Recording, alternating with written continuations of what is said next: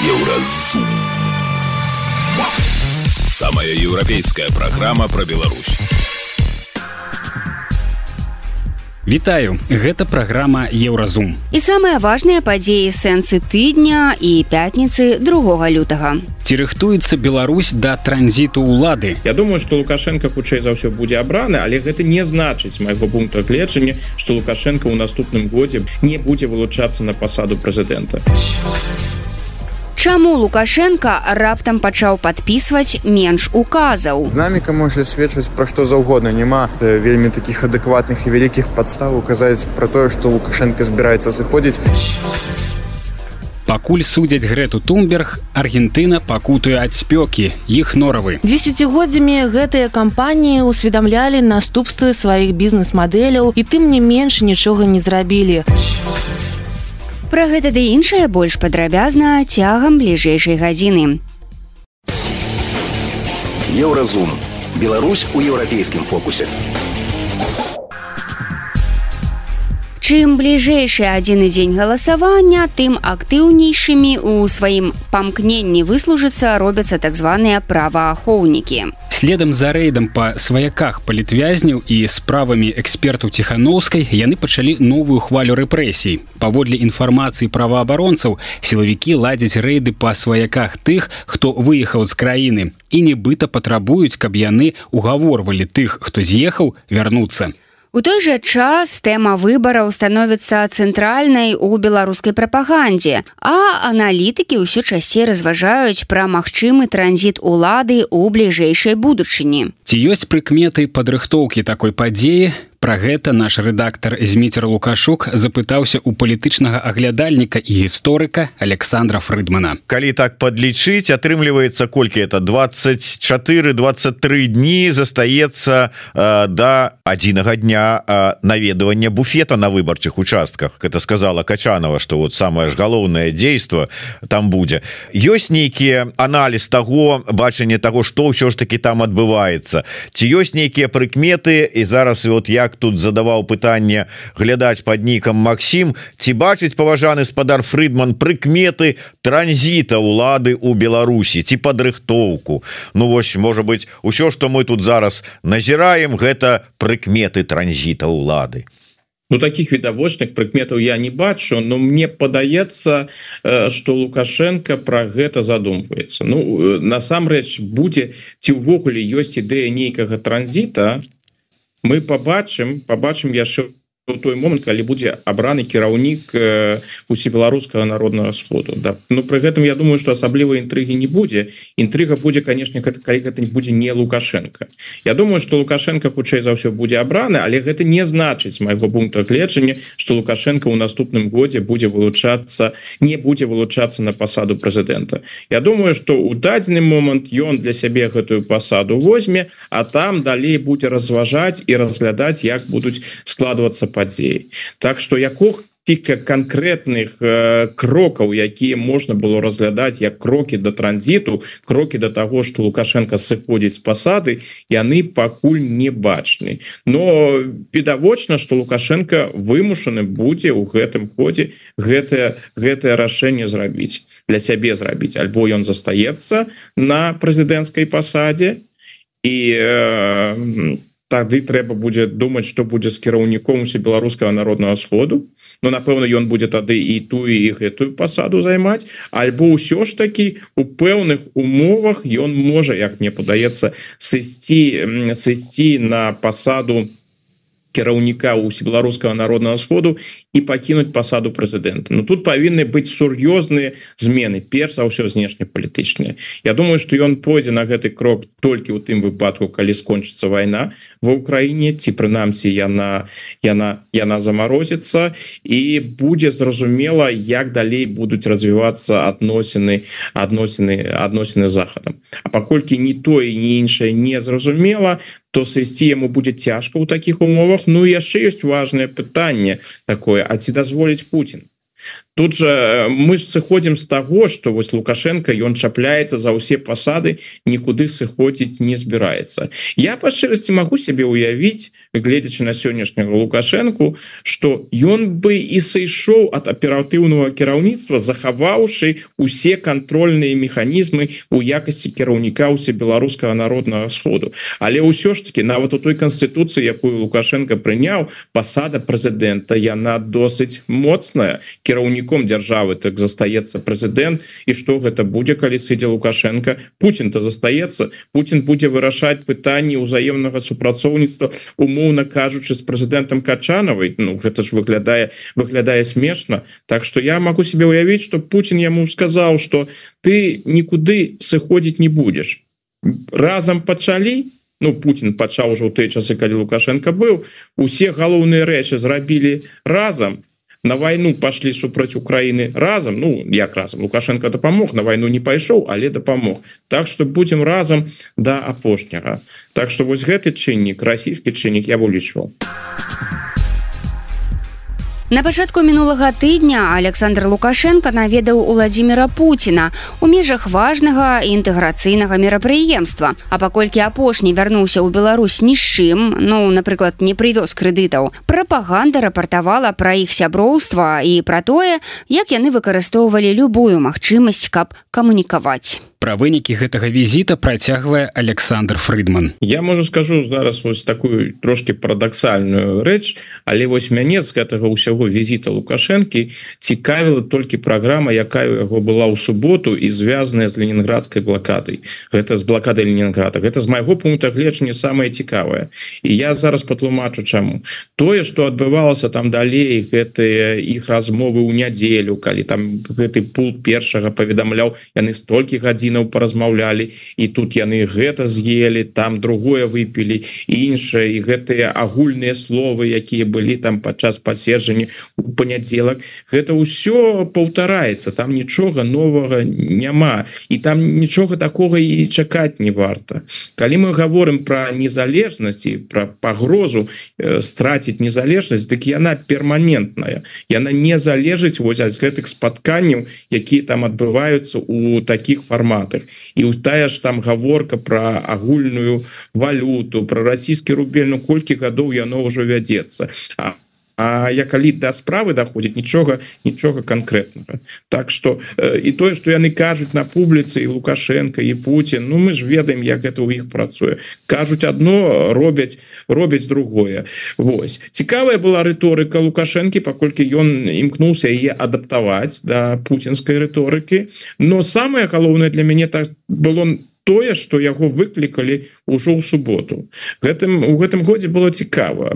У Росіі яны палічылі что 20 27 першага ну па-перша я пачну так гістарычны контекст 27 першага гэта ж вядома гэта сусветны дзень памяти ахвяраў холокоста uh -huh і гэты дзень таксама у Росіі ён адзначаўся. Яны выкарыстоўвалі гэты дзень таксама у прапагандысцкім кантэксце у сваіх кампаніях супраць Украіны. Таксама гэта той дзень у якім у 44 годзе была канчаткова скончана блокада Ленінграда але расійскі бок вырашыў адмыслова гэтыя дні развесці. Таму яны дзень памяти ахвяраў блокады у іх не 27 першага а 8 а 8 9 8 верасня 41 года калі гэтая блокада пачалася. І тут яны раптам у гэтым годзе вырашылі зрабіць цэнтрам увагі менавіта 27 ну добра можна сказаць гэта такая круглая была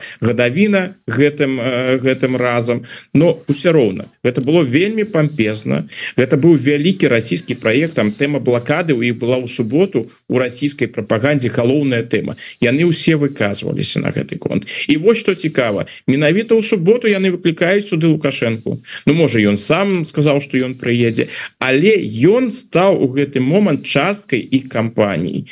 І вось тая тая прамова якую ён там зрабіў афіцыйную гэта абсалютна расійскія наратывы. Ён імкнуўся казаць менавіта тое что хоча пачуць Крemль і ў дачыненні да Украіны і да іншых пытанняў. То бок лукашенко ў гэты момант ужо канчаткова прадстаў як частка гэтай гэтай сістэмы что на месцы лукашэнкі умоўна мог быть у гэты дзень і мядзведзяў і лаўроў і патрушаў і хто заўгодна. То бок лукашенко ў гэты момант стаў фігурай расійскай палітыкі. І гэты дзень не паказаў наколькі моцна насамрэч лукашенко інтэграваны ува унутранае палітычнае жыццё Росіі Вось гэта з майго пункта гледжання такі быў вельмі цікавы момант падчас гэтай сустрэчы. А астатняе выглядала досыць банальна. Але э, вот такое яго э, так ну як тут правильно сказаць э, такая яго прэзентацыя у якасці чальца расійскай палітыкі гэта тое чаго ён хацеў да чаго ён імкнуўся ці тое чым яго зрабілі я б тут сказал мне лукашенко лукашенко падаецца сённяшні лукашенко мне падаецца шмат у чым рэалістам я па шчырасці шчыра кажучы думаю что вось гэтая перыяд так званой макеевской лібералізацыі другая половина 10 подкрэслю так званый калі ўсё ж таки былі контакты захадам калі прыязджаў у мінск дзяржаўны дзяржаўны секретар злучаных штатаў калі у лукашэнкі там раз пораз нават білі былі візіты на захад гэта яму падабалася ў пэўным ступені больш чым тое что ёсць зараз. Але зараз ён бачыць усё такая палітычная рэчаіснасць. Большага няма і не будзе. Трэба сыходзіць з таго что ёсць і імкнуцца дасягаць у гэтай сітуацыі для сябе як мага найбольшага. Ну калі ён туды прыязджае ў санкт-петербург гэтым разам гэта было відавочна что там яго рыторыка яна змяняецца. Ён адыходзіць на другі план. Ён э, подкрэслівае наколькі важный Путін ён удзельнічае нават у стварэнні гэтага путинска путинскага культа. Там же звычайно так. Лукашенко у сваіх прамовах заўсёды кажа. І нават сёння калі ён сустракаўся з гэтым бранскім губернатарам яму важно подкрэсліць вось як он размаўляў з Путиным як Путин сказаў і іншае іншае. То бок лукашенко для сябе вырашыў маё месца за Путиным і паколькі я Путина залежны і з гэтай залежнасці мне ўжо нікуды не выйсці ну, выглядае так что насамрэч лукашенко не выйсці будем спадзявацца что Беларусь выйдзе а лукашенко ўжо з гэтай залежнасці відавочна не выйдзе Ну так трэба сябе паводзіць адпаведным чынам не думаю что ему так это ўжо падабаецца але такая рэчаіснасць трэба працаваць тых умовах якія склаліся. а У эфіры еўрарадыё быў гісторык і палітычны аглядальнік Александр Фрыдман. Эксперт прааналізаваў нядаўні візіт лукашэнкі да Пуціна і патлумачыў, чаму не бачыць падрыхтоўкі да транзіту ўлады ў Беларусі. Еўрарадыё кропка FM. Далей у праграме Еўразум. Чаму Лукашенко раптам пачаў падпісваць менш указаў. Дынаміка можа сведчыць пра што заўгодна няма вельмі такіх адэкватных і вялікіх падстав указаць пра тое, што Лукашенко збіраецца сыходзіць. Пакуль судзяць грэту тумберг Аргентына пакутуе ад спёкі іх норавы десятгоддзямі гэтыя кампаніі усведамлялі наступствы сваіх бізнес-мадэляў і тым не менш нічога не зрабілі сустрэнемся пасля навінаў спорту. Еўразум. Беларусь у еўрапейскім фокусе.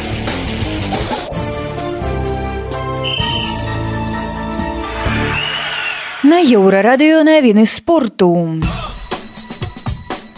Футбалісты Нёмана выйгралі футбольны турнір Белазавец. Гродзенцы атрымалі перамогі ва ўсіх трох матчах, у тым ліку з батэм і старпеда Белас мінская дынама і торпеда белас правядуць свае чвэрцьфіналы футбольнага кубка беларусі 6 і 10 сакавіка. Федэрацыя зацвердзіла даты з улікам пераносу паядынку за суперкубак з лютага на другі дзень вясны. а У беларускай хакейнай экстралізе абноўлены снайперскі рэкорд, які трымаўся 13 гадоў. Нападаючы салігорскага шахцёра расійскі легіянер Михаил Шалагін закінуў за сезон ужо 41 шайбу. У форварда юнацтва Андрэя Сцяпанова было 40. Дарэчы, Шалагін дагнаў Сцяпанова па выніковых ачках, іх ужо 75. Льюс Хэмилтон у наступным сезоне пераходзіць з Мерседес у Феррары. Па звестках СМі яго заробак у італьянскай камандзе будзе складаць 50 мільёнаў еўра за год на 10 мільёнаў менш, чым цяпер. Брытанец выступае за Мерседес больш за десятгоддзя. Па колькасці тытулаў у формуле 1 ён зраўняўся з Михаэлем Шумахерам. Былы абаронца футбольнай зборнай Балівіі Серхія Хаурэем застрэлены падчас гульні таварыскіх каманд у Мексіцы. Калі 38гадовы футбаліст падышоў да краю поля, каб выпіць вады, забойца падбег, стрэліў 6 разоў і ўцёк, піша трыбуна. Гэта былі навіны спорту на еўрарадыё. Заставайцеся з намі.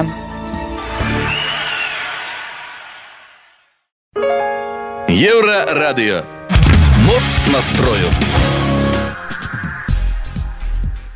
Лукашенко вялікі аматар указаў, дэкрэтаў і пастаноў. Яго указы маюць абавязковую сілу на ўсёй тэрыторыі Беларусі. Ну гэта такая цытата. За 30 гадоў знаходжання ва ўладзе палітык выдаў іх тысячы. Але ў апошнія гады колькасць указаў раптам зменшылася. Як заўважыла еўрарадыё у 21 годзе указаў было афіцыйна апублікавана 520. У 22 460 а летась толькі 416 Чаму запыталіся у экспертаў.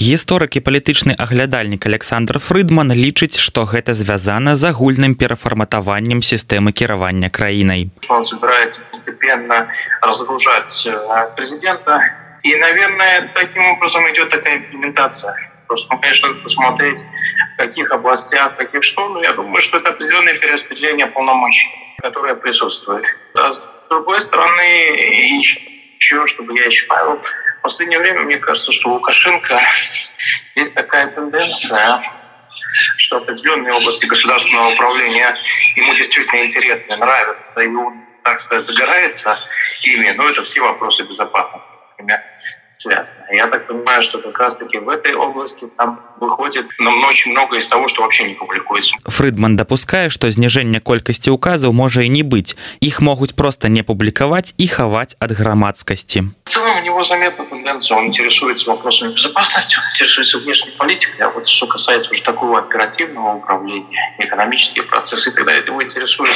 гораздо меньшей, меньшей степени. Поэтому я думаю, что может быть и соответственно и распоряжение с его стороны принимается меньше, а больше делает, делает правительство. Ну, тенденция, говорящая, конечно же, в какой-то степени о том, что Лукашенко меняет свою роль в государстве. Мне кажется, что постепенно, вне зависимости от того, останется он еще там, захочет ли он еще остаться на президентском посту или нет, оно будет идти в этом направлении, что он будет больше исполнять такие надзирательные функции, следить сверху за процессами и отходить вот от этого оперативного управления, тем более, что оперативное управление, ему, думаю, и с возрастом дается чуть чуть тяжелее. Эксперт не лічыць, што гэтыя працэсы сведчаць пра транзіт улады, бо гаворкі пра тое, што Лукашенко сыходзіць з пасады прэзідэнта, пакуль не ідзе. Это такой постепенный уход, как мне кажется, его от оперативного управления к такому более надзирательному стилю. То есть он как бы никогда, я думаю, попытается до конца, сколько у него будет возможности, не упускать рычаги влияния, и всегда слово «вера» и всегда вето будет у него. Это возможность вето на любое решение, но вот именно это оперативное управление, что там вникать во все детали и прочее, прочее. От этого, мне кажется, он будет постепенно уходить палітолог валер карбалевич звяртае увагу на тое што згодна з новай канстытуцыяй прэзідэнт не мае права выдаваць дакументы якія б мелі характар закона я хочу звярнуць увагу что паводле новой конституции президент э, не мае права выдаваць э, скажем подписывать некие документы якія мелі характар закона. Функцыі пераходзяць да іншых органаў улады прыватнасці усе беларускі народны сход але там пераходных артыкулах сказано что все гэта уступае ў сілу пасля з'яўлення новага складу беларускага народного сходу Мачыма з гэтым звязан что функцыі прэзідэнта по новой конституцыі трохі змяншаюцца.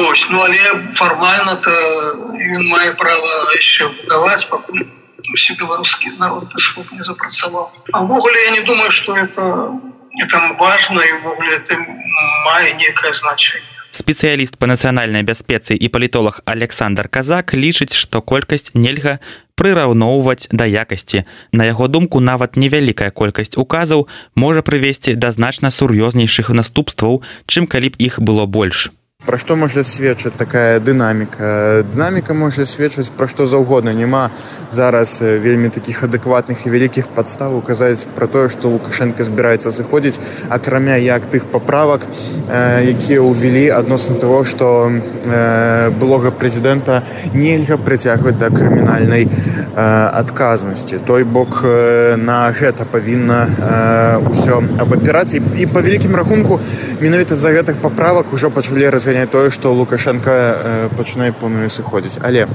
што э, на маю думку вельмі вельмі важна. У першую чаргу важна тое што лукашенко выдатна ведае прыклад э, назарбаева гісторыю назарбаева і ён не будзе э, нейкім чынам яе паўтараць. То бо калі будзе ўжо вельмі вялікая падрыхтоўка да сыходу лукашэнкі я мяркую што мы гэта пабачым як і на заканадаўчым дык таксама і на фактычным нейкім э, узроўні. Зараз гэтага абсалютна не назіраецца і вельмі вялікіх падставаў да таго што лукашенко сыходзіць мы зараз не маем паводле казака казаць пра нейкія планы лукашэнкі вельмі складана. У любым выпадку гэта будзе на ўзроўні тэорыі змовы. Адбыўся транзіт улады трэба акрэсліць ад каго і да каго будзе адбывацца гэты пераход улады. Няма зараз акрэсленых асобаў або акрэсленых інстытуцый або структур да якіх будзе пераходзіць улада. Той бок можна казаць што заўгодна пра гэтыя сходы качанавых карпянковых безумоўна. Можна пра гэта ўсё казаць але зноў жа мы не бачым нейкіх вельмі сур'ёзных э, падставаў ці нейкіх працэсаў гэтага менавіта самога пераводу. Цалкам магчыма э, гэта нельга выключаць што гэта адбудзецца імгненна э, і ў пэўнай такой разгубленасці што каму будзе ісці бо ніколі не ведаеш што дзе як лясне але на дадзены этап казаць пра нейкія вельмі такія далёкія наполеонаўскія планы менавіта я б не не замахнуўся на нешта падобнае. Інфармацыйная служба еўрарадыё. Еўрарадыё. Твоя улюбёная хваля Далей у праграме Еўразум. Пакуль судзяць Грэту Тумберг, Аргентына пакутуе ад спёкі іх норавы. Дзесяцігоддзямі гэтыя кампаніі ўсведамлялі наступствы сваіх бізнес-мадэляў і тым не менш нічога не зрабілі. Сустрэнемся пасля навінаў шоу-бізу. Еўрарадыё. Твоя улюбёная хваля. Шоу-біз.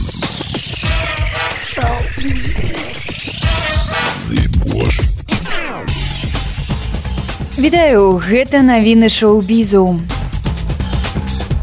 Галівудскі акцёр Брэд Піт ужо сапраўды атрымаў ролю ў новым фільме Квенціна Таранціна. Гэта стужка кінакрытык, якая стане апошняй у фільмаграфіі вядомага рэжысёра. Як піша выданне Дэдлайн, Піт і Таранціна зноў з'яднаюцца на радасць гледачоў. Гэта значыць, што прыхільнікі аднойчы ў Галівудзе убачыць нешта асаблівае. Новы фільм Таранціна з пітам называецца кінакрытык і па чутках акцёр згуляе там галоўную ролю чалавека, які піша рэцэнзіі на фільмы для вядомага порна часопіса.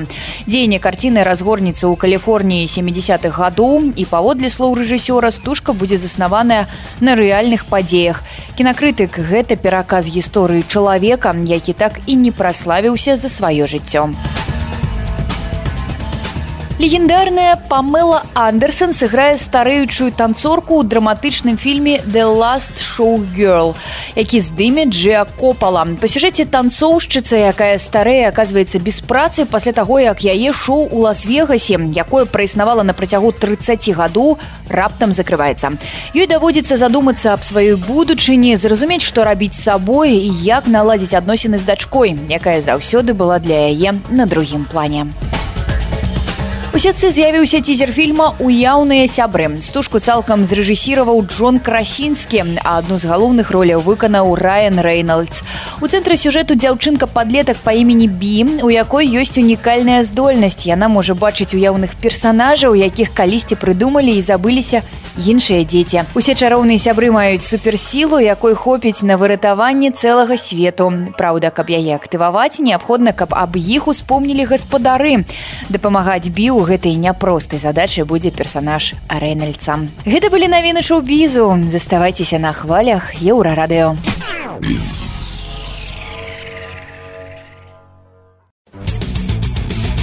Еўразум. Жыві ў рытме Еўропы.